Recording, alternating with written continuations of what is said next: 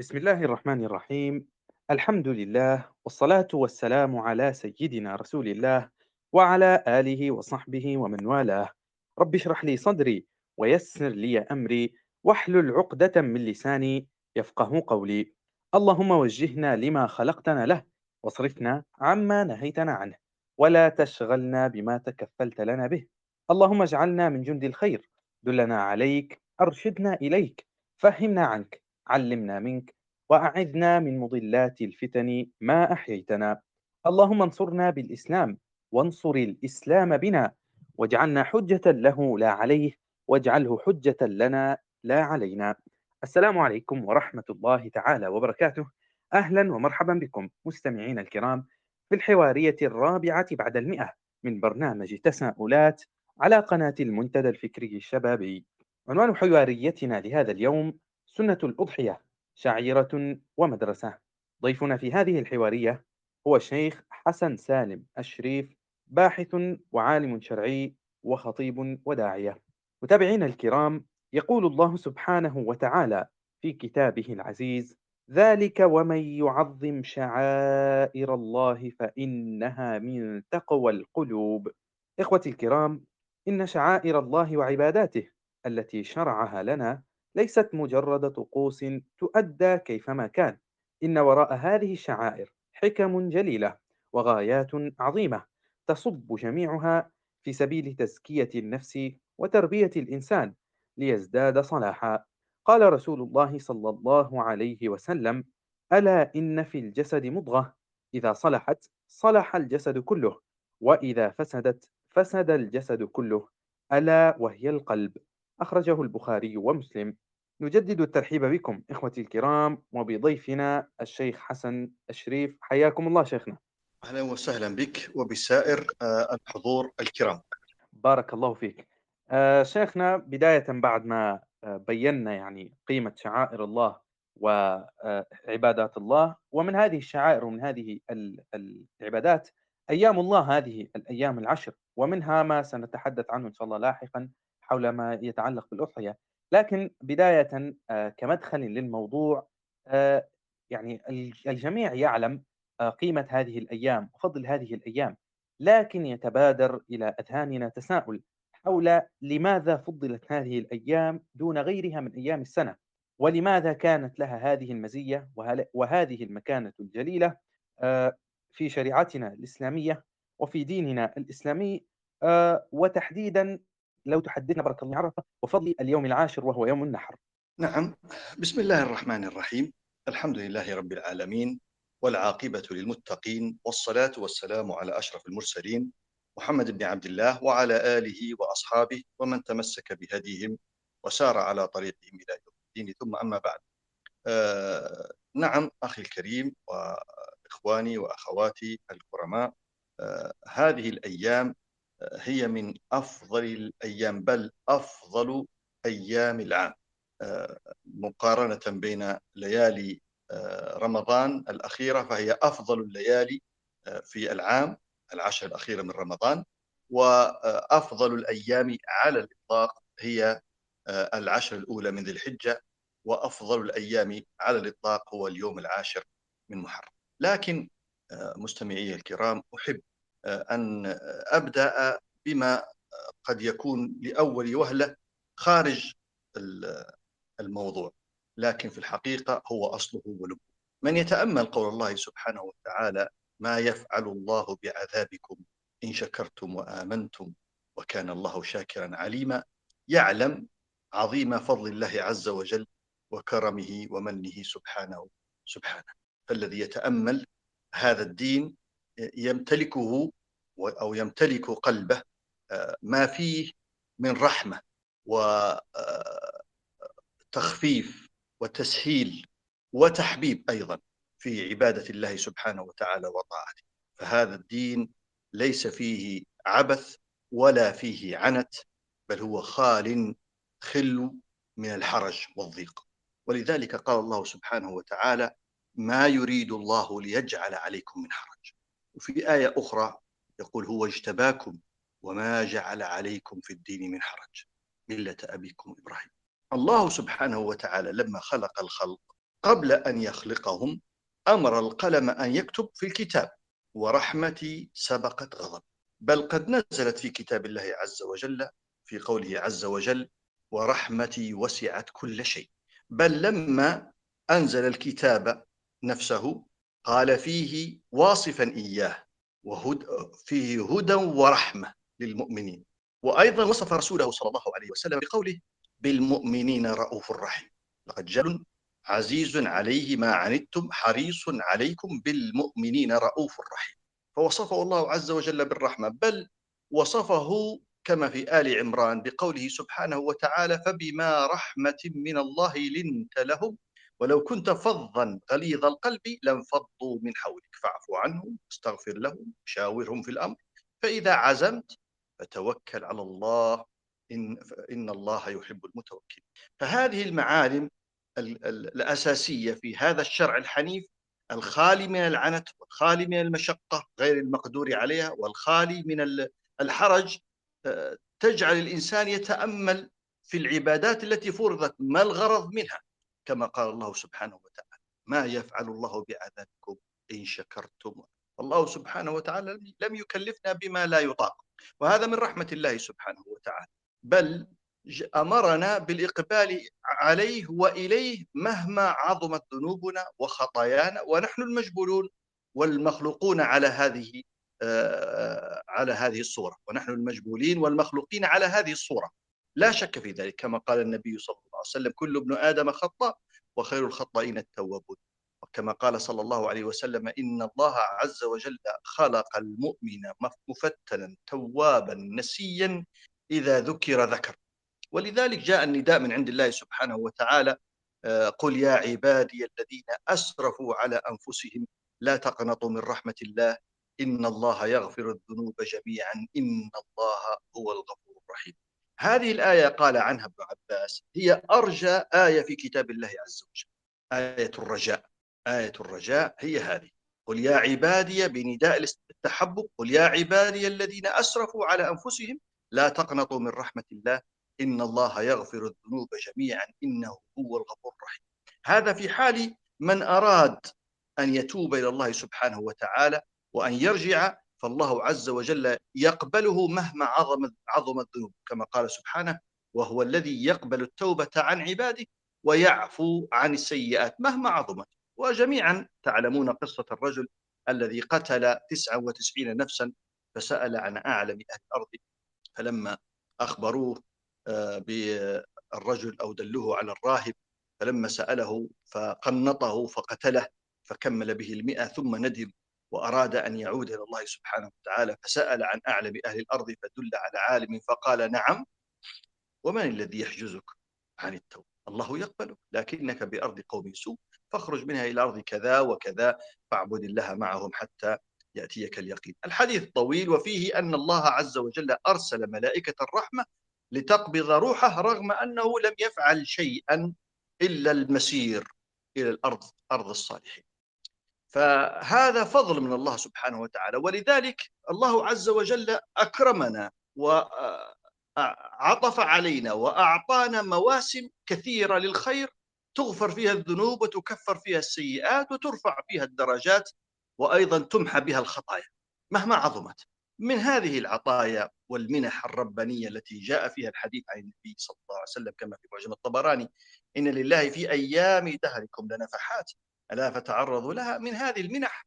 ما هو يومي كالصلاة التي وصفها الله عز وجل وأقم الصلاة طرفي النهار وزلفا من الليل إن الحسنات يذهبن ومنها ما هو أسبوعي كيوم الجمعة وما فيه من فضل وساعات استجابة وذكر لله عز وجل أحاطهم حديث رسول الله صلى الله عليه وسلم ما جلس قوم مجلسا يذكرون الله تعالى فيه. ثم قاموا إلا ناداهم منادي من السماء أن قوموا مغفورا لكم قد بدلت سيئاتكم حسنة. ومنها ما هو شهري كأيام البيض ومنها ما هو سنوي كهذه الأيام التي نحن فيها. فهذا من رحمة الله سبحانه وتعالى. هذه العشر التي نحن فيها هي من رحمة الله سبحانه وتعالى بنا. أيام معدودة كما قال الله سبحانه وتعالى أيام معلومات. وكما قال واذكروا الله في أيام معدودات. هذه الأيام أحاطها الله سبحانه وتعالى بهالة يعني تدعو كل مقصر وكل مفرط وكل من يريد زيادة الحسنات أن يحرص على هذه الأيام وما فيها من أفعال. كما قال الله عز وجل في كتابه إن عدة الشهور عند الله 12 شهرا في كتاب الله. يوم خلق السماوات والأرض منها أربعة حرم. فلا تظلموا فيهن أنفسكم. يعني الأشهر فضل الله عز وجل بعض الشهور على بعض. منها أربعة حرم من هذه الاثنى عشر شهرا. أربعة أشهر حرم. وحثنا ربنا سبحانه وتعالى على ألا نظلم أنفسنا فيها. قال فلا تظلموا فيهن أنفسكم.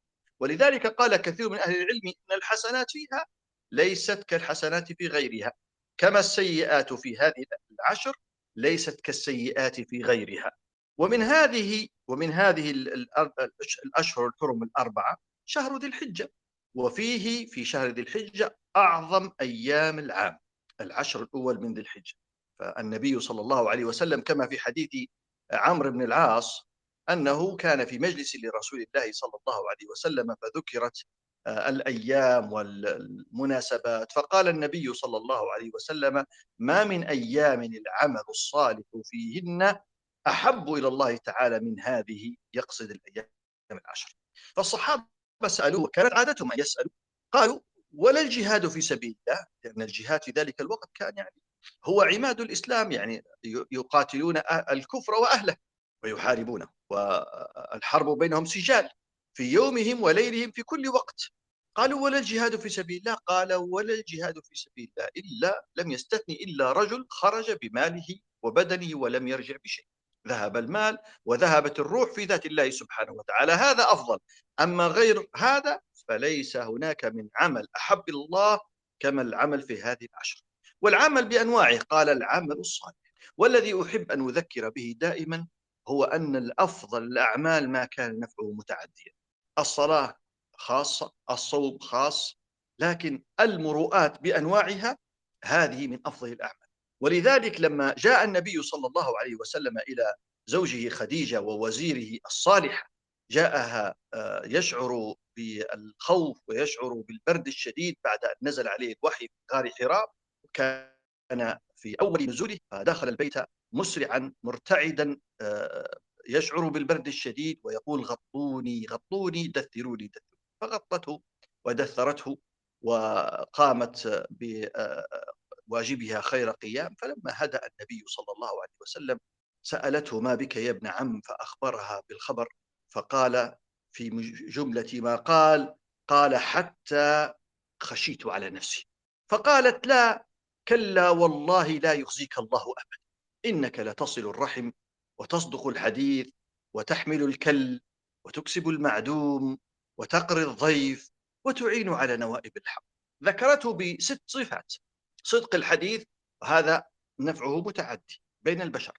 وصلة الرحم وحمل العبء عن الكهول وعن الضعفاء وأيضا آه، حق الضيافة لمن زاره على أحسن صورة. وأيضا آه، يكسب المعدوم يعني يعطي ويتصدق ويفعل الخير للناس ويعين على نوائب الحق يقف مع من أصيبوا بمصيباتهم. هذه المروءات هي من أفضل ما يمكن أن يعمله الإنسان في هذه العشر. لماذا؟ لأن الله عز وجل أحب يحب الأعمال في هذه الأيام أكثر من غيرها. هذا من فضل الليالي العشر. حتى إن الله سبحانه وتعالى قد أقسم بها. قال سبحانه والفجر وليال عشر والشفع والوتر قالوا العشر هي كما صح عن ابن عباس هي العشر الأول من ذي الحجة. الخلاف قائم لكن كثير من أهل التفسير ذكروا أن العشر الأول من ذي الحجة هي المقصودة في هذه الآيات. لماذا؟ هذه العشر فيها يوم التروية وهذه العشر فيها يوم عرفة.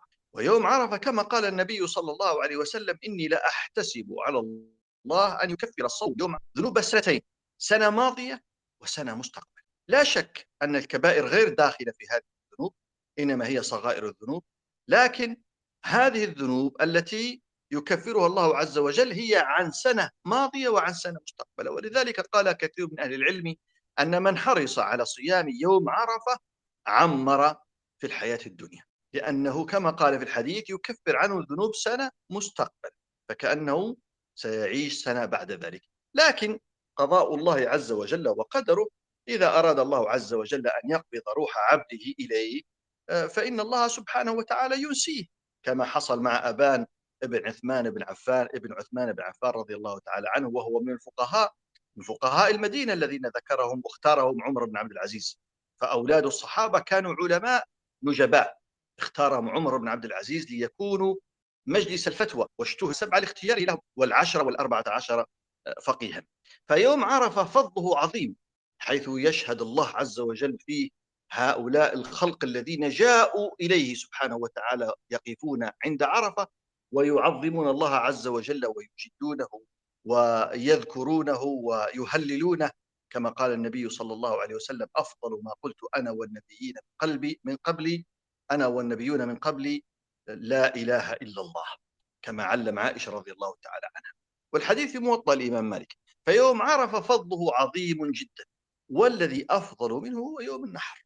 يوم النحر كان أفضل أيام السنة لما اجتمع فيه من العبادات ما لا يجتمع في غيره من العبادات. رمي الجمرات والحلق والتقصير والطواف والذبح وأعمال كثيرة في يوم عرفة جعلت من هذا اليوم أيام العام أعظم أيام العام. فهذه العشر هي أيام مباركات فيها كثير من الطاعات آه، وفيها من المكفرات ما الله سبحانه وتعالى به عليم. ونحن كلنا ذو ذنب وذو خطأ وليس فينا رجل منزه لسنا ملائكة مطهرين آه، مطهرون كما أننا لسنا رسلا آه، يعني مبرؤون معصومون. ولكن بشر نخطئ بين التقصير والتفريط بين الصغيرة والكبيرة ونحن بحاجة إلى مغفرة الله عز وجل ورحمته. والله قد رحمنا. فهيأ لنا من المناسبات والمواسم على مدار السنة ما تمحى به الذنوب والخطايا. ولذلك كانت هذه العشر رحمة من رحمات الله عز وجل وتطبيق لقول الله عز وجل ما يفعل الله بكم ما يفعل الله بعذابكم إن شكرتم وآمنتم ما يفعل الله بعذابكم إن شكرتم وآمنتم وكان الله شاكرا عليما. هذا ما أحببت أن أتكلم عنه آه، في آه، هذه آه، النقطة الأولى التي ذكرتها أو أعلن عنها في هذا. في هذه في هذه الحوارية التي أسأل الله عز وجل أن يتقبلها. منا جميعا تختم بما جاء في الحديث الذي ذكره الإمام أحمد عن رسول الله صلى الله عليه وسلم. وكنت قد ذكرته سابقا ما جلس قوم مجلسا يذكرون الله تعالى فيه آه، ثم يقوم إلا ناداهم مناد أن قوموا مغفورا لكم قد بدلت سيئاتكم. سيئاتكم حسنات. وتبديل السيئات حسنات ليس عجبا. الله سبحانه وتعالى ذكره في كتابه كما في سورة الفرقان. قال الله عز وجل والذين لا يقتلون النفس التي حرم الله إلا بالحق ولا يزنون. ومن يفعل ذلك يلقى أثاما يضاعف له العذاب يوم القيامة ويخلد فيه مهانا إلا من تاب وآمن وعمل عملا صالحا. فأولئك يبدل الله سيئاتهم حسنات وكان الله غفورا رحيما. النقطة الثانية من هذه الحوارية التي نحن فيها هي رحلة آه، إبراهيم عليه السلام أبو الأنبياء. أبو الأنبياء حيث آه، رحل رحلة طويلة كانت له مواقف عظيمة آه، ولذلك كان أبا للأنبياء وأكرمه الله عز وجل بأن جعل في ذريته النبوة إبراهيم عليه السلام لما لما ألقاه قومه في النار وقال الله عز وجل للنار كوني بردا وسلاما على إبراهيم فكانت كذلك خرج من عندهم مهاجرا إلى الله سبحانه. وحصل ما حصل من قصة طويلة آه، عندما اعترضه أحد الظلمة الملوك الظلمة وأراد سارة لنفسه وهي زوجه آه، عليه السلام. فدعت الله عز وجل على يده فشلت في موقف عظيم. فلما آه، انتهى الحوار بينهما ودعت الله عز وجل في المرة الأخيرة أن يعيده إلى حاله الطبيعي فعاد إلى حاله الطبيعي فأهداها جارية آه، اسمها هاجر. فلما رجعت إلى زوجها إبراهيم وخبرها ذكرت له ما حصل وأنه قد أهداها هذه الجارية هاجر. فأهدت هاجر أهدت هاجر لزوجها إبراهيم عليه السلام. فتزوجها إبراهيم عليه السلام وولدت له إسماعيل كما قال الله عز وجل في كتابه في آيات البشرى. لما ولدت له إسماعيل غارت سارة غارت سارة عليه السلام من من هاجر مع صلاحها وإيمانها وتقواها. لكن هذه طبيعة آه، البشر ولا يذمون عليها إلا إذا دخل في هذه المشاعر الظلم والعدوان. فخرج إبراهيم عليه السلام بزوجه هاجر عليها السلام إلى بيت أو إلى أرض أو واد غير ذي زرع كما قال الله سبحانه وتعالى إلى مكة. لم تسأله لماذا خرجنا ولم يتكلم عليه السلام.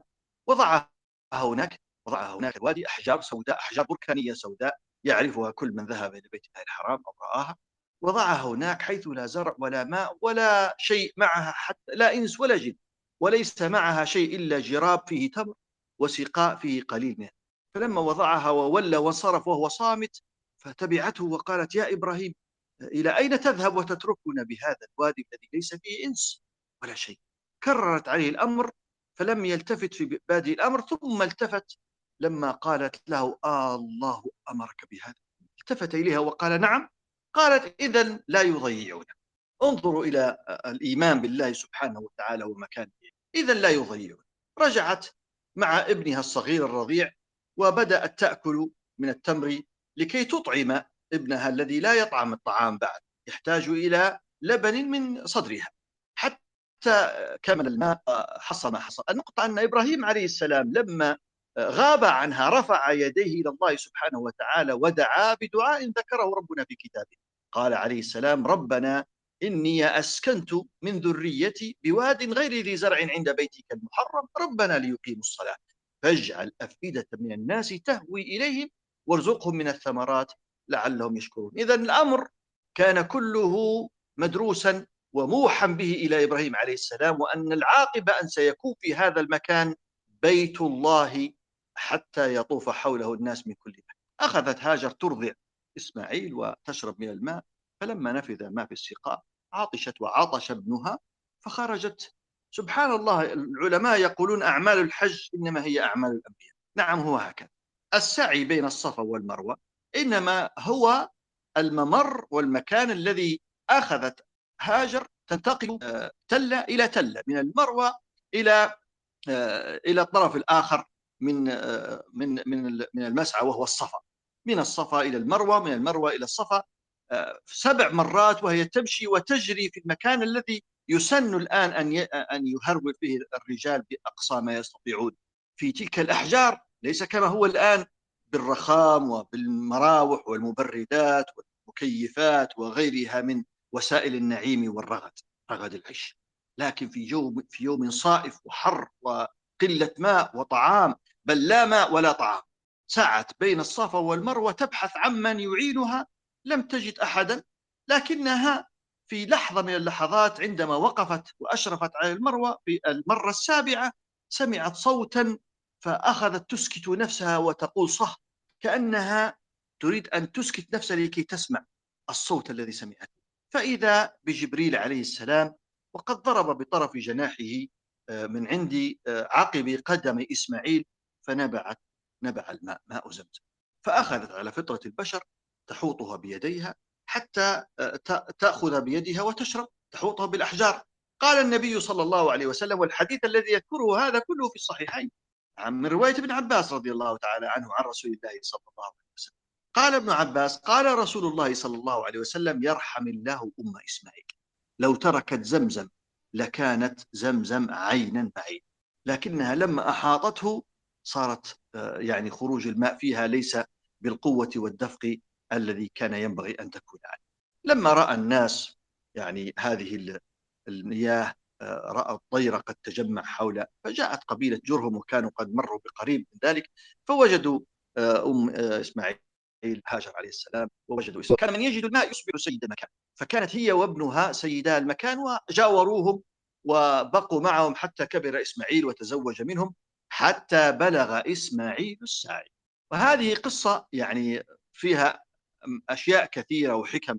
لكن المحصلة أن إبراهيم عليه السلام آه، لما وقف آه، يعني مع ابنه إسماعيل وبلغ السعي جاء ما ما ما جاء ذكره في كتاب الله سبحانه وتعالى وهي النقطة آه، التي فيها أصل هذه الأضحية التي نضحيها. قال الله عز وجل في سورة الصافات فلما بلغ معه السعي قال يا بني إني أرى في المنام أني أذبحك انتبهوا أيها الكرام قال فلما بلغ معه السعي. إبراهيم عليه السلام بلغ الثمانين وليس له ولد. بشرته الملائكة التي جاءت لتعاقب قوم لوط بشرته بإسماعيل عليه السلام. فأنجبت آه، هاجر إسماعيل عليه السلام لأنه في الآية قال قبلها قال ربي هب لي من الصالحين. فبشرناه بغلام حليم فلما بلغ معه السعي. الآن بلغ السعي يعني بلغ القوة التي يخدم بها الابن أباه ويقوم على أمره. الحاجة الآن ملحة إلى آه، الاستعانة بهذا الذي قد بلغ واشتد عوده. لكن الله عز وجل ابتلى إبراهيم فيه ببلاء عظيم كما قال في آخر الآيات آه، سبحانه وتعالى إن هذا لهو البلاء المبين. إبراهيم عليه السلام جاء إلى ابنه إسماعيل وقال يا بني إني أرى في المنام أني أذبحك فانظر ماذا ترى.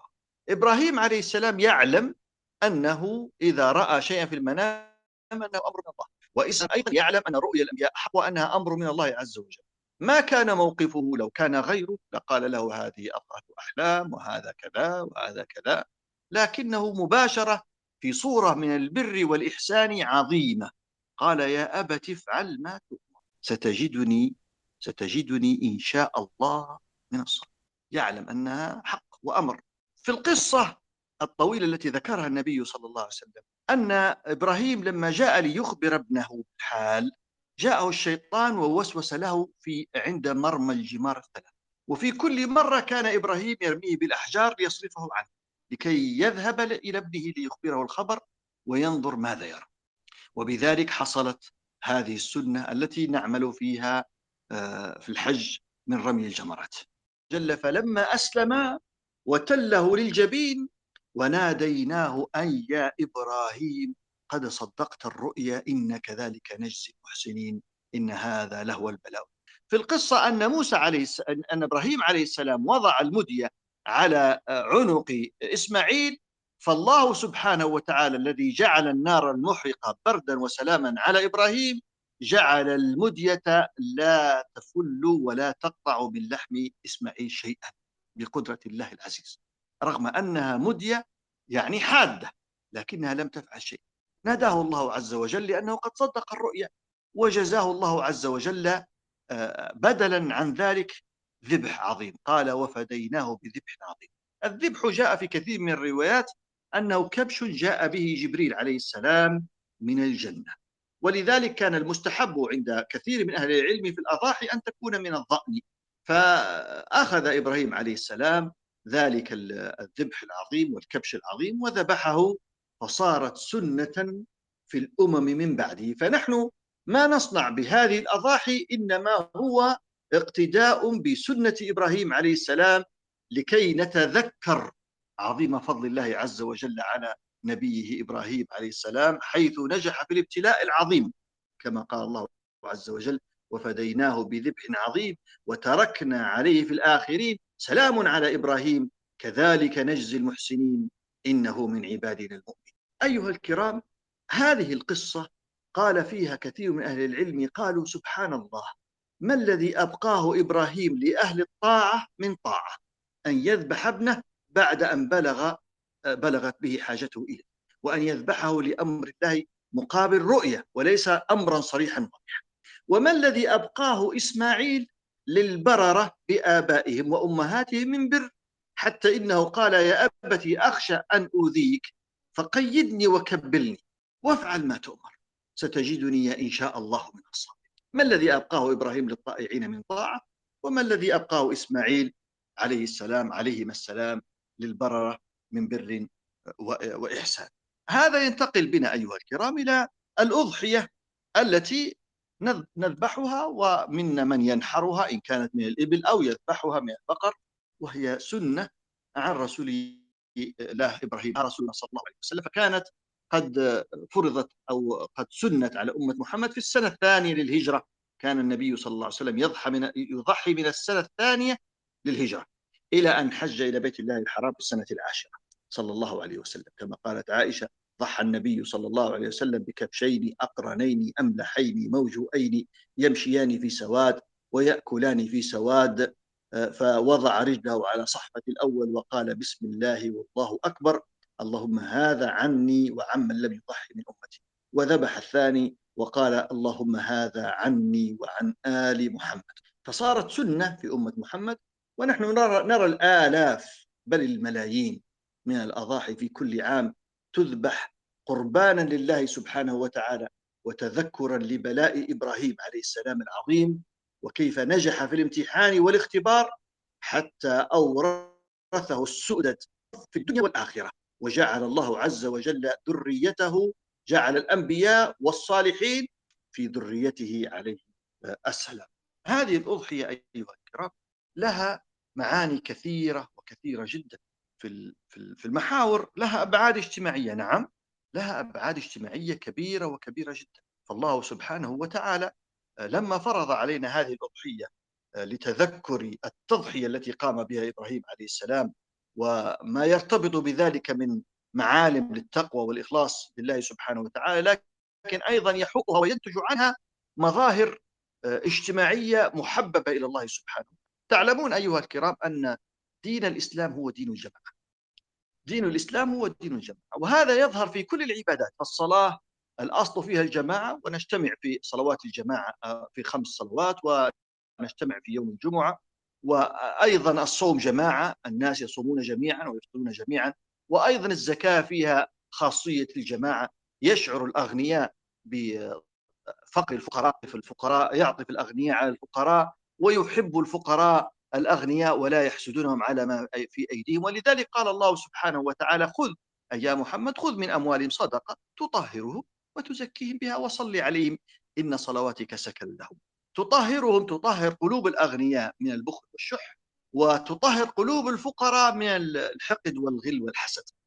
الجميع يستفيد لأن دين الإسلام دين الجماعة والحج المظهر الآن معلوم لديكم يمكن أربع ملايين حاج في موقف واحد. وجعل الله عز وجل في هذه المواقف الجماعية الأخلاق البادية التي هي معالم الإيمان وحقيقته التي تنتج. لذلك جاء في موطأ الإمام مالك بلاغا عن رسول الله صلى الله عليه وسلم أنه قال إنما بعثت لأتمم مكارم الأخلاق فالصلاة فيها خلق عظيم كما جاء في حديث النبي صلى الله عليه وسلم آه، قال أكمل المؤمنين إيمانا ألينهم مناكب في الصلاة قد يستغرب البعض يعني هذا الحديث الصحيح كيف جاء وما هي النتيجة التي نتجت؟ صلاة الجماعة لكي يتحبب الناس ويحب القدوم إلى صلاة الجماعة لا ينبغي أن يؤذى فيها المؤمن حتى يكثر أهل الإسلام والإيمان في المساجد. قال صلى الله عليه وسلم من أكل من هاتين الشجرتين الخبيثتين فلا يقربن في مصلانا لا يؤذينا في مسجدنا. كما في صحيح مسلم لا يؤذينا في مسجدنا. وفي صحيح البخاري فإن الملائكة تتأذى مما يتأذى منه ابن آدم. هكذا قال النبي صلى الله عليه وسلم. وأيضا إذا صلى بجانبك المؤمن ينبغي أن تكون لينا. فإن كنت لينا بمنكبك لا تؤذي لا تؤذي أخ أخاك المسلم فإذا أنت قد كمل إيمانك لأن النبي صلى الله عليه وسلم قال إنما بعثت لأتمم مكارم الأخلاق. فمظهر الجماعة في الإسلام مظهر واضح وهذا من مما ينتج عن هذا العيد الذي تحصل فيه الصلاة في جماعة إما في الساحات أو في المساجد ويهنئ بعضهم بعضا ويبارك بعضهم لبعض ويسلم بعضهم على بعض.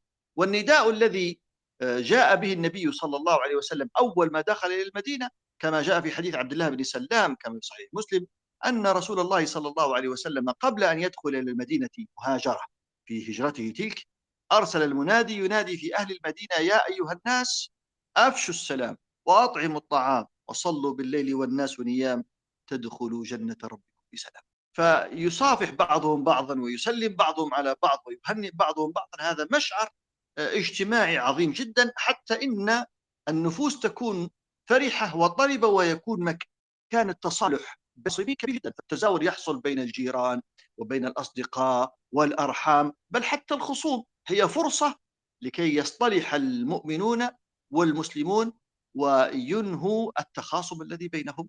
ولذلك آه، معنى عظيم فأمة الإسلام أمة الجماعة كما ذكرنا مرارا وتكرارا لا يمكن أن تكون جماعة إذا دخلت فيها الحزازات والخصومات والنزاعات والحسد والبغضاء.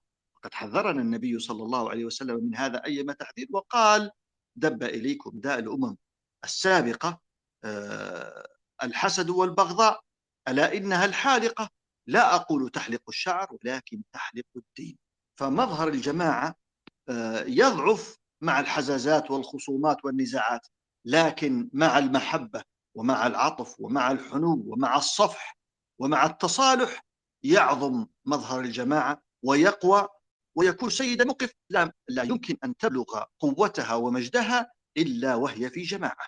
فهذه الأعياد والمناسبات المبهجة فرصة للإصلاح وفرصة للزيارات وإصلاح ذات البيت. أيضا من مقاصد الشريعة تنمية في من هذه الأضاحي والأضحية وما ينتج عنها تنمية مشاعر الأخوة بين المسلمين أخوة الإيمان. كما قال الله عز وجل إنما المؤمنون إنما المؤمنون إخوة إنما المؤمنون إخوة. وهذا يأتي على النقطة الأخيرة ولعلي قد أطلت عليكم التي هي محور نقاش آه، هذه آه، الحوارية وهذا اللقاء الطيب الذي نرجو أن يكون طيبا مباركا. نرجع إلى قول الله عز وجل لن يناله قول الله عز وجل في كتاب العزيز لن ينال الله لحومها ولا دماؤها ولكن يناله التقوى منكم. هذه الأضاحي التي يضحي بها الناس ليست حقيقة العبادة في هذه الضحية التي تذبح. قد رأينا وسمعنا خبر إبراهيم والحقيقة عندما نقول رأينا بمعنى رأى العلمية فخبره مشهور معروف كأننا نراه رأي العين الباصرة. فالله سبحانه وتعالى يعني جاز إبراهيم عليه السلام ذلك الجزاء العظيم وجعله سيدا وأبا للأنبياء وجعل النبوة والكتاب في ذريته عليه السلام. ونذكره إلى أن يقبض الله عز وجل أرواح المؤمنين في تشهدنا في صلاتنا بالصلاة الإبراهيمية التي هي أحب الصلوات على رسول الله صلى الله عليه وسلم وفيها ذكر لإبراهيم وذريته عليه السلام. لن ينال الله لحومها ولا ليست الأضحية وإنما ولكن يناله التقوى. كفر دين إبراهيم عليه السلام وبقايا دين إبراهيم عليه السلام فيهم قد حرفوها ومنها أنهم كانوا إذا آه، نحروا آه، الهدي قاموا ب آه، يعني نشر دمائه في كل مكان وجعل الطعام و يعني وكأن هذا هو فنزل قول الله عز وجل لن ينال الله لحومها ولا دماؤها ولكن يناله التقوى كذلك سخرها لكم لتكبروا الله على ما هداكم وبشر المحسنين. هذه التعليلية. كذلك سخرها لكم لتكبروا الله على ما هداكم وبشر المحسنين. هذا يعود بنا إلى مطلع الحديث كله في قول الله عز وجل في سورة النساء ما يفعل الله بعذابكم إن شكرتم وآمنتم وكان الله شاكرا هذه لكي نكبر الله على هذه الرحمة التي رحمنا بها وعلى هذه الهداية الماحية للذنوب وللسيئات والتي تزيد في الدرجات وترفع ترفع في الدرجات وتزيد في الحسنات هذه الرحمة التي طلب التي أمرنا الله عز وجل بأن نأتي بها وهي في خي في حقيقتها خير لنا. في حقيقتها خير لنا. التقوى هنا من العلماء من قال لكن يناله التقوى أي الإخلاص. وهذا معنى مطلوب لا شك في ذلك ومحمود. فالأعمال كلها لا تقبل إلا بالإخلاص لله سبحانه وتعالى. وقد قال النبي صلى الله عليه وسلم آه، في الحديث إن الله عز وجل طيب لا يقبل إلا طيبا لا يقبل من العمل إلا ما كان خالصا لوجهه. فما لم يكن مخلصا فيه لله سبحانه وتعالى الله عز وجل لا يقبله. الله عز وجل لا يحب أن يشرك في العمل معه غيره سبحانه وتعالى. فلن ينال الله لحومها ولا دماؤها ولكن يناله الإخلاص. هكذا الإخلاص في هذه العبادة التي تتعبدون لله عز وجل. والإخلاص لا يتنافى مع التقوى بل هو جزء منها. لا يتنافى مع التقوى لأن الإخلاص هو جزء من التقوى لأن التقوى هي كما عرفها طلق بن حبيب قال أن تعمل بنور من الله على طاعة الله راجيا ثواب الله وأن وأن تنتهي عما نهى الله بنور من الله خشية عقاب الله سبحانه وتعالى. وهذا هو الذي يتحقق في الأضحية ولا أجد يعني في ختام ما ذكرته إلا أن أسأل الله عز وجل لي ولكم جميعا أن يوفقنا للعمل الصالح في هذه الأيام وفي كل العام بل في كل الأعوام وأن يختم أعمارنا وحياتنا بالعمل الصالح وأن يحسن خاتمتنا جميعا وأن يتقبل منا صالح العمل. والله تعالى أعلم. جزاك الله خيرا شيخنا وبارك الله فيك. آه، فعلا كما ذكرت في ختام هذه الكلمات مسألة الإخلاص مسألة آه، تحقيق آه، كمال النية لله سبحانه وتعالى هو من أعظم الأمور التي ينبغي أن ننشغل بها. ولعل من أهم ما يروى في ذلك هو آخر ما قاله حجة الإسلام أبو حامد الغزالي رحمه الله كما روى الحافظ أبو الفرج بن الجوزي حيث قال أن آخر ما قاله حجة الإسلام الإخلاص الإخلاص. فنسأل الله سبحانه وتعالى أن يجعلنا وإياكم آه، من المخلصين له. سبحانه. آه، قبل أن ننتقل للإخوة الحضور ومشاركاتهم آه، تعقيبا وإضافة على الحديث عن الأضحية وأبعادها الاجتماعية لا يخفى عليكم شيخنا أن الأضحية لما كان لها أبعاد اجتماعية وأثر في مجتمعنا واتصال بعاداتنا الاجتماعية كان لا شك أن يكون هناك آه، تداخل. التداخل هذا بين الشعيرة والعادات الاجتماعية منه ما هو آه، امتداد لنصوص الشرع والامتثال للشرع وهي العادات المحمودة والمنبثقة عن الشرع. ومنه ما هو آه، كان فيه مخالفة أو خطأ أو هفوة عن ما أمر به الشرع. شيخنا عن بعض العادات الاجتماعية التي يعني نحن نعتادها في سنة الأضحية وفيما يتعلق بالأضحية وطغيان هذه العادات أحيانا على أصل هذه الشعيرة وتحول الشعيرة في بعض الأحيان عند عند بعض الناس إلى عادة أكثر من كونها عبادة. لو تفصل لنا في هذا الأمر وبارك الله فيكم. نعم كثير من الناس يعني اعتادوا العمل حتى خرجت بهم العادة عن العبادة. خرجوا بهذه العادات عن العبادات. صارت تلك العبادات كالعادات آه، فلا يستحضرون ما أحاط بهذه العبادات من آه، فضائل ومن كرامات ومن عطايا آه، ومن منح من عند الله سبحانه وتعالى. وهذا من أسوأ ما يكون. يعني بعض الناس الآن حتى في صلاته قد يصلي بطريقة معينة قد تسأله إذا قضى صلاته ما الذي قرأته في صلاتك؟ يقول لك لا أذكر. بل قد لا يقرأ على الصورة الصحيحة كالمستعجل. وهذا أمر يعم كل العبادات آه، آه، بأن تنتقل من عبادة إلى عادة كما هو حاصل الآن في موضوع الأضاحي. يعني بعض الناس الآن وكأنه يرى أن الأمر الأضحية واجبة والنظر فقط إلى كيف يشتريها وكيف يذبحها ويغفل عن قصة الأضحية وعن تاريخ الأضحية وعما فيها من فضل وعما فيها من معيار من معايير الإيمان. آه، والبعض الآخر يعني يمكنه أن يشتري الأضحية لكنه بدلا من أن يكون يعني في في الوضع الطبيعي يغالي فيها حتى يصل بها إلى الفخر والآن ترون هذه الأسعار الفاحشة الفقهاء كرهوا التغالي في ثمن الأضاحي.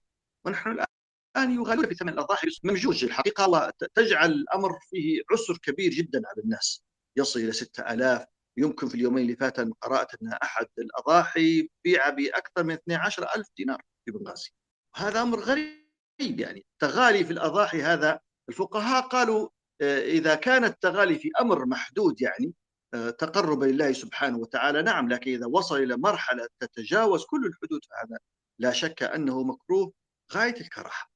الناس الآن آه، يعني آه، في في كثير من أعمالهم في هذه الأيام يخرجون من من حقيقة العبادة بالأضحية إلى إلى العادة التي تغيب عن يغيب عن أذهانهم فيها تاريخ الأضحية وما وما فيها من من فضل ومن عباده والله أعلم. جزاك الله خيرا شيخنا وبارك الله فيك.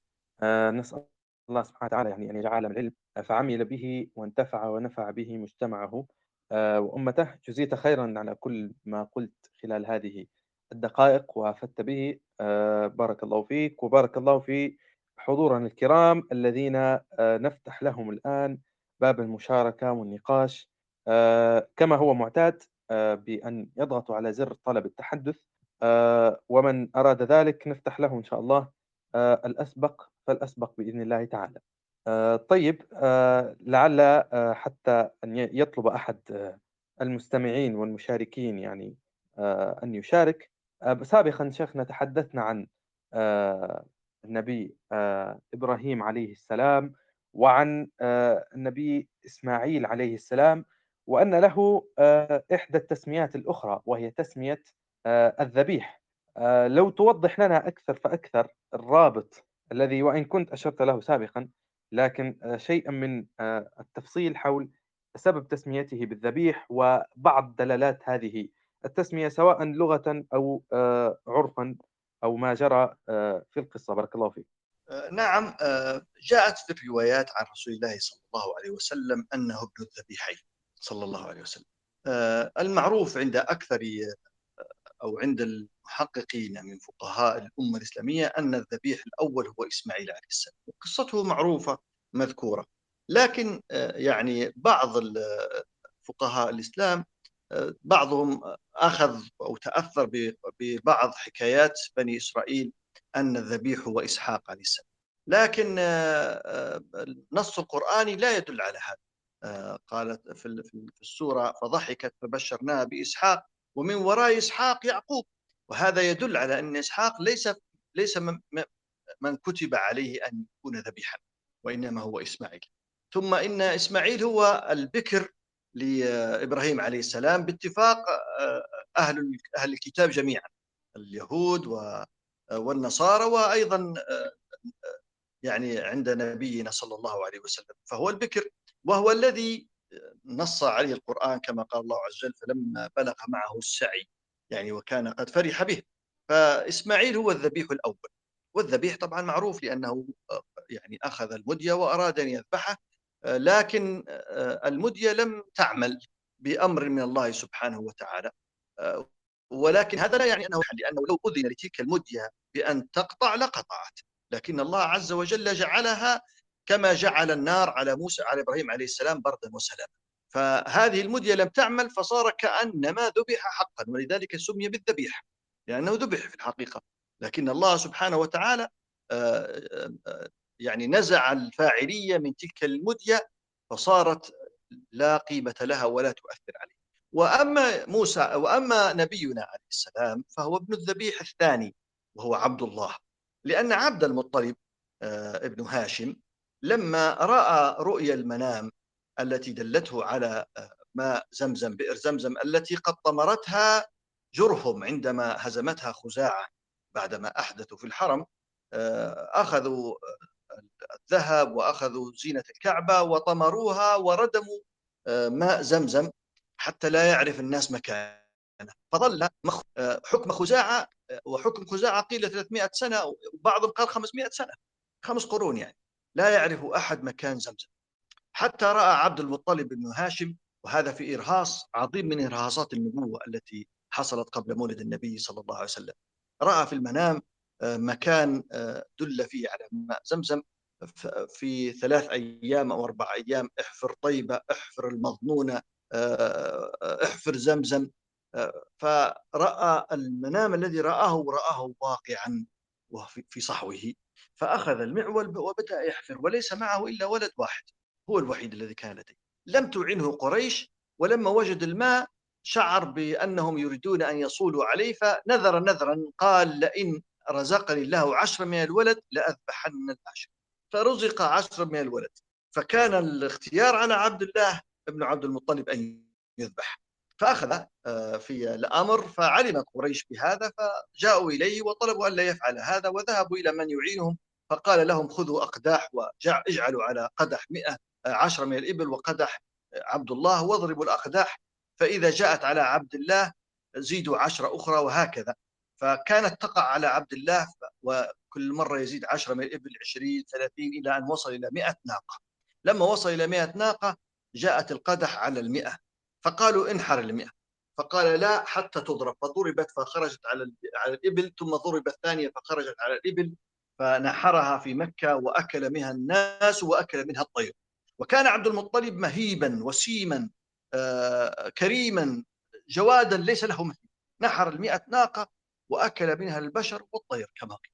ونجا عبد الله من الذبح فقط ليتزوج آه، آمنة بنت وهب من بني ليفرغ تلك النطفة فيها لتحمل بنبينا صلى الله عليه وسلم ثم يموت بعد ذلك. كأنه لكي يبلغ الرسالة فقط يؤدي الأمانة التي خلقه الله عز وجل لها. تزوج آمنة وحملت منه بنبينا عليه السلام وذهب وتوفي في أثناء رجوعه من تجارته في الشام في جهة بني النجار. وهم أخواله لأبيه عبد المطلب آه، الذين هم أيضا أخوال النبي صلى الله عليه وسلم. فكان النبي صلى الله عليه وسلم يقول أنا ابن الذبيحين. وهم إسماعيل عليه السلام وعبد الله ابن عبد المطلب. الله أعلم. اللهم صل وسلم وبارك على سيدنا محمد آه، وعلى سائر نبينا آه، والصديقين. بارك الله فيكم شيخ. آه، حتى نستقبل إن شاء الله إحدى المشاركات. بريك سبق أن تحدثت يعني عن الأضحية وعن أبعادها الاجتماعية وما إلى ذلك. لو تحدثنا عن طرف بسيط من فقه وأحكام الأضحية لأن هذا الباب لو استرسل فيه المرء وأراد أن يحيط به لقضى فيه الساعات الطوال وقرأ فيه الكتب العديدة. وأنت بارك الله فيك يعني أدرى منا بطول مباحث فقه الأضحية وأحكامها واجتهاد أئمتنا وفقهائنا في ضبطها وتحريرها. فلو تحدثنا عن أهم ما يحتاجه يعني المسلم اليوم والمشارك والمتابع لنا خصوصا فئة الشباب. لأننا نحن في المنتدى بالدرجة الأولى آه، نستهدف فئة الشباب. لو تحدثنا عن طرف بسيط من فقه الأضحية وما يشير إليه علماؤنا وفقهاؤنا في هذا الباب. نعم آه، الأضحية كما قال آه، خليل رحمه الله تعالى في أول مختصره في في باب الأضاحي تسن أو يسن لحر غير حاج أضحية لا تشحف ذكر أنها سنة هذه الضحية هي سنة مؤكدة وهذه السنية مرتبطة هذه السنية مرتبطة بشروط منها أن يكون حرا طبعا مسلما حرا وأن يكون غير حاج لأن الحاج عليه الهدي وليس عليه الأضحية عليه الهدي إذا كان قارنا أو متمتعا. لا تشحف أي لا تشحف بماله بقية العام. لكن نحن اليوم يعني المسألة ليست مرتبطة بالأعوام وإنما مرتبطة بالشهور لأن الإنسان كل شهر يخف المرتب. فالأقرب في زماننا هذا لا تشحف بماله بقية الشهر. فإذا كانت هذه الأضحية تشحف بماله بقية الشهر إذا اشتراها عجز باقي الشهر عن حاجة أسرته وضرورياتهم فليست سنة في حقه هي سنة للقادر. ذلك جاء في موطن مالك أنه قال هي سنة لا أحب لقادر عليها أن يتركها. قادر عليها يعني قادر لا تؤثر على ماله. هل يجوز أن يستلف؟ نعم إذا كان قادرا على السداد دون عنة ومشقة يجوز أن يستلف كما نص الفقهاء. هي سنة مؤكدة لكن بشرائط لها شروط. آه، في موطأ الإمام مالك حديث البراء بن عازب قال قال النبي صلى الله عليه وسلم أربع من الأضاحي لا تجزي. قال وأشار بأصابعه الأربع وقال البراء قال وأصابعي أقصر من أصابع رسول الله صلى الله عليه وسلم. فالصحابة رضوان الله تعالى عليهم كانوا يتابعون رسول الله صلى الله عليه وسلم في كل شيء ويتأملون أمره ويعرفون أوصافه. صلى الله عليه وسلم ثم قال العوراء البين عورها والمريضة البين مرضها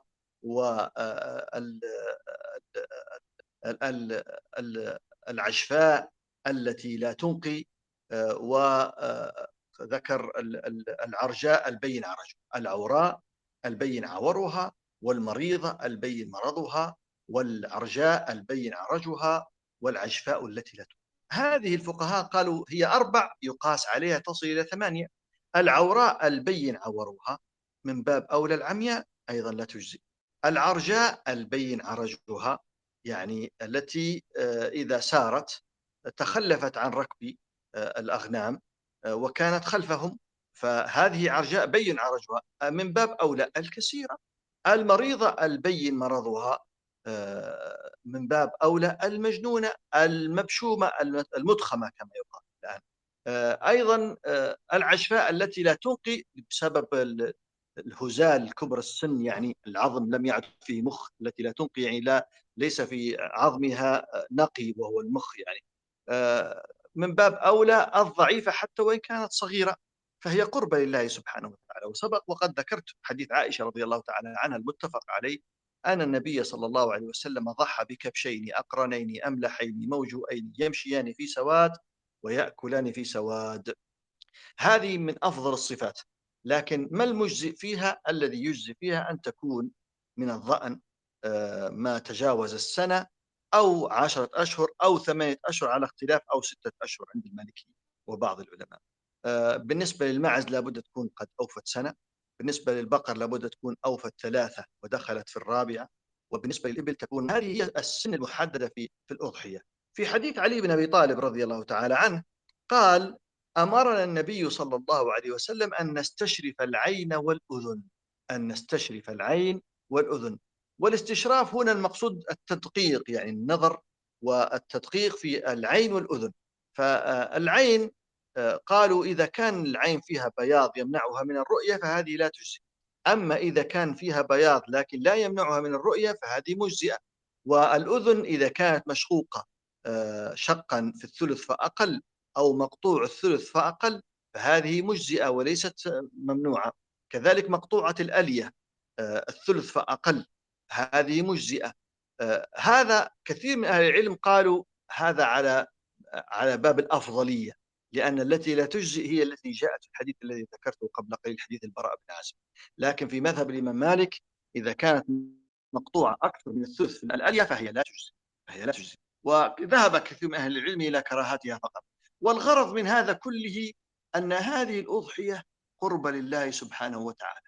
فلينظر أحدنا بما يتقرب إلى الله سبحانه وتعالى. لكن بحسب القدرة التي يمكنه أن يأتي بها بأضحية المناسبة.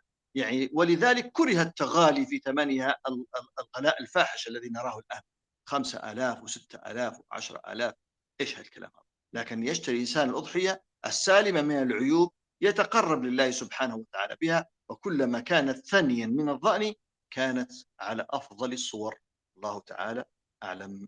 جزاك الله خيرا شيخنا وبارك الله فيك. آه وزي ما وكما ذكرنا سابقا آه أن هذا المبحث حول فقه الأضحية بعدما أشرت إليه وفصلته بارك الله فيك يرجع فيه أكثر فأكثر إلى أمهات أو أمات كتب الفقه ومراجع آه هذا العلم الجليل علم الفقه وتحديدا باب آه الأضاحي حيث فصل فيه علماؤنا وفقهاؤنا.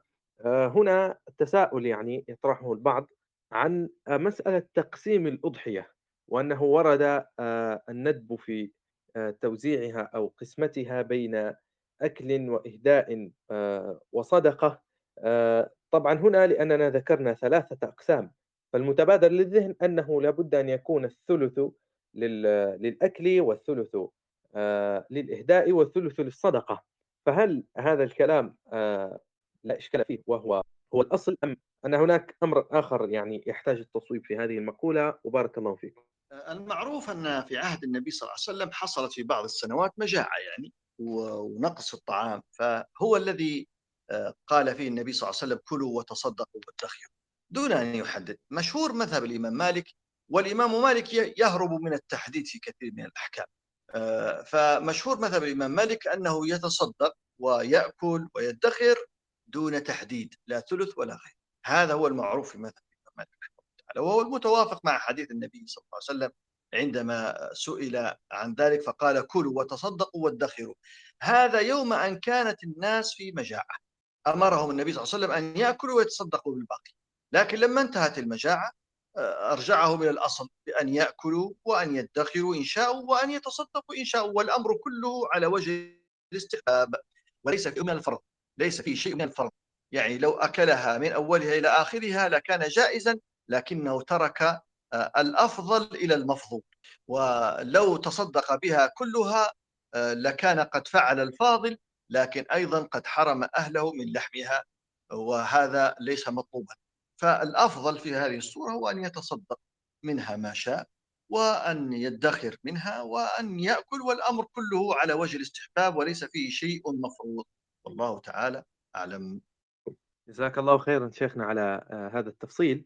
آه، هناك سؤال آه، ورد إلينا في مجموعة النقاش المفتوح التابعة للمنتدى تتساءل عن كيف يمكن لنا أن نصل للمستوى الذي ذكرناه سابقا وذكرته سابقا شيخنا من الرضا والتسليم في الابتلاءات التي تنزل بنا وتحدث فيما نحب بنا إبراهيم عليه السلام وبإسماعيل عليه السلام فكيف لنا أن نرتقي بأنفسنا آه، لهذا المستوى من الرضا والتسليم في الابتلاءات؟ حقيقة يعني هذا سؤال عظيم جدا. جوابه من أصعب ما يكون. لكن أحب أن أشير إلى سورة في كتاب الله عز وجل ربطت هذه المسألة وبينتها بيانا جيدا قال الله عز وجل في كتابه في سورة العنكبوت في صدر سورة العنكبوت. ألف لام ميم. أحسب أحسب الناس آه، أن يقولوا آمنا وهم لا يفتنون. هذه الآية بدأت باستفهام الاستنكار. يستنكر الله عز وجل هذا الظن. أحسب الناس أن يقولوا آمنا وهم لا يفتنون؟ ولقد فتنا الذين من قبلهم فلا يعلمن الله الذين صدقوا ولا يعلمن الكاذبين. يعني الله سبحانه وتعالى أخبر بأن هذا الظن الذي تظنونه غير صحيح. والله عز وجل لابد وأن يبتلي الناس آه، وأن يختبرهم حتى يتبين ويظهر الظهور العلمي الكشفي يعني للناس وإلا الله عز وجل يعلم ما كان وما لم يكن وما لم وما لا ما لو كان أن أن لو كان كيف سيكون. كل هذا يعلمه سبحانه وتعالى. خلق الله عز وجل القلم وقال اكتب قال ما اكتب قال اكتب ما هو كائن إلى يوم القيامة. هذه الآية آه، في أول سورة العنكبوت يظهر بيانها في آخرها. في آخر السورة يقول الله عز وجل والذين جاهدوا فينا لنهدينهم سبلنا وإن الله لمع المحسنين. من أراد أن يكون ناجحا في الاختبار والابتلاء فما عليه أولا إلا أن يصبر على الابتلاء والاختبار. وأن يعلم أن الله عز وجل يبتليه إما لأنه ذا درجة كبيرة حتى يزيد الله عز وجل أجره وإما أن عليه عظيما حتى يمحو الله عز وجل ذنبه وإما لأن الله يختبره في إيمانه فينظر أصدق أم كذب وهذه الثلاث تدعو الإنسان أن يصبر وأن يحتسب وأن يتوكل على الله سبحانه قال النبي صلى الله عليه وسلم أشد الناس بلاء الأنبياء ثم الأمثل فالأمثل فالأمثل. فالذي يبتلى ويصبر هو محبوب ومقرب من الله سبحانه وتعالى. لكن هذا الصبر يؤدي مع التسليم والرضا لله سبحانه وتعالى من يصبر على هذا ويتصبر كما قال الله عز وجل يا أيها الذين آمنوا اصبروا وصابروا ورابطوا واتقوا الله لعلكم ترحمون أو تفلحوا تفلحون. آه، هذه هي حقيقة النجاح في الابتلاء. فمن كان كذلك حبب إليه هذا الذي يصنعه حتى يكون درب له وعادة.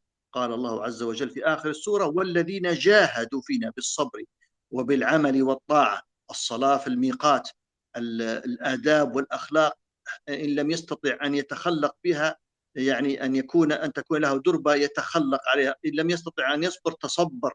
إن لم يستطع أن يتصدق دفع نفسه على الصدقة حتى يرغم نفسه. والذين جاهدوا فينا لنهدينهم سبلا. تصبح لهم هذه عادة محبوبة لا يكرهونها بل حياتهم فيها وراحتهم فيها فلا يتركونها. والذين جاهدوا فينا لنهدينهم سبلنا وإن الله لمع المحسنين. الله أعلم. جزاك الله خيرا وبارك الله فيك شيخنا. فعلا آه، في هذا المعنى أيضا من العبارات الجميلة والكلمات الرائعة حين جاء رجل آه، إلى الإمام الشافعي رحمه الله فسأله أيهما خير للرجل أن يمكن أم يبتلى؟ فأجابه الإمام الشافعي رحمه الله بقوله لن يمكن حتى يبتلى فإن الله ابتلى آدم ونوحا وإبراهيم وموسى وعيسى ومحمدا صلى الله عليه وسلم وعليهم الصلاة والسلام جميعا. فلما صبروا على ابتلائهم مكنوا أو كما قال الإمام الشافعي رحمه الله تعالى آه، ورضي عنه. بارك الله فيكم شيخنا. نستقبل الآن مشاركة آه، من الأخت آه، هبة الله. يمكنك يمكنك أن تفتح المايك وتتفضل إن شاء الله. السلام عليكم ورحمة الله وبركاته. بارك الله فيك أخي عزام وبارك الله في أستاذنا الشيخ حسن الشريف. جزاك الله خيرا. استفدنا كثيرا. لدي تس يعني مجموعة تساؤلات خفيفة إذا تكرم الأستاذ بالإجابة عنها.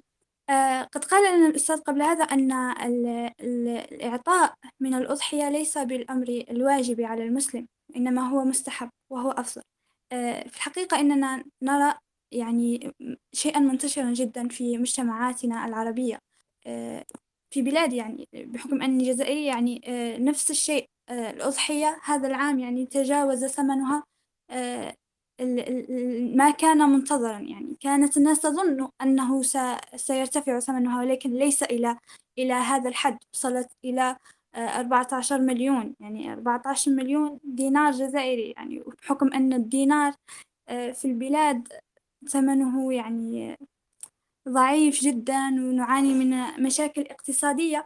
فبهذه الحجة يعني وبحجة أنه القليل من الناس أصبح أصبحوا يضحون حتى الذي يضحي آه، من الطبقة المتوسطة أصبح يتحجج بارتفاع أو غلاء أسعار الأضاحي يتحجج بذلك لكي لا آه، لا يتصدق من أضحيته. فغاب عن المجتمع المسلم معنى ومعنى آه، يعني الالتزام بما هو مستحب عند الله سبحانه وتعالى. ونرى حتى يعني الفقير كثيرا ما يكون شعوره سيئا في في في أيام كهذه بينما لا يستطيع توفير آه، الجو العيد لأطفاله خاصة خاصة في جانب الأطفال. والناس حتى الذين يقسمون أضحياتهم يتأخرون في تقسيمها فيؤثرون يعني ال ال ال الاستمتاع بالأضحية من حيث حفلات شواء واستعراض الصور على مواقع التواصل الاجتماعي على تقسيمها. بينما يعني لو أننا قسمناها وشاركناها مع الفقراء لكان أفضل.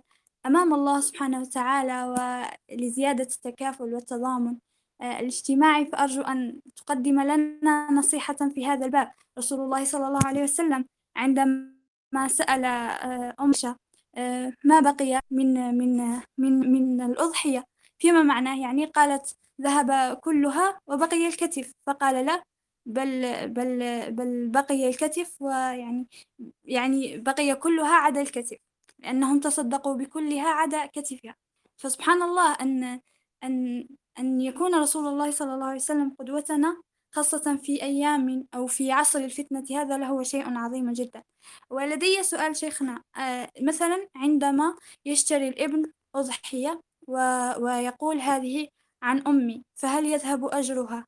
لأمه أم يذهب أجرها له؟ والسؤال الثاني آه، يسكن بجانبنا آه، يسكن بجانبنا كيف يقال هذا؟ هم جماعة تنصيرية ولكن لا لا يمارسون هذا العمل لا يمارسون عمل التبشير بدينهم أو من هذا القبيل لا. لم نسمع عنهم وإنما هم في الحقيقة رهبان. وهم يهنئوننا بالعيد يأتون في العيد الأضحى وعيد الفطر ويهنئوننا بالعيد. فنحن إكراما لهم من هذا الباب من باب تهنئتهم لنا في أعيادنا. نعطيهم من هذه نطعمهم منها في البيت ونعطيهم أيضا جزءا منها ليأخذوه معهم. فهل هذا جائز أم لا؟ وأعتذر عن الإطالة وبارك الله فيك. نعم آه، بارك الله في أختي هبة هبة الله. آه، نعم صدقتي آه، غلاء فاحش ليس في الجزائر فقط بل حتى في بلادنا هذه. والمبالغ كبيرة جدا والتغالي الفاحش المكروه والمذموم شرعا موجود. والمانع المانع لكثير من الناس من أن يتصدقوا أو من أن يشتروا الأضاحي ليطيعوا الله عز وجل في هذه السنة.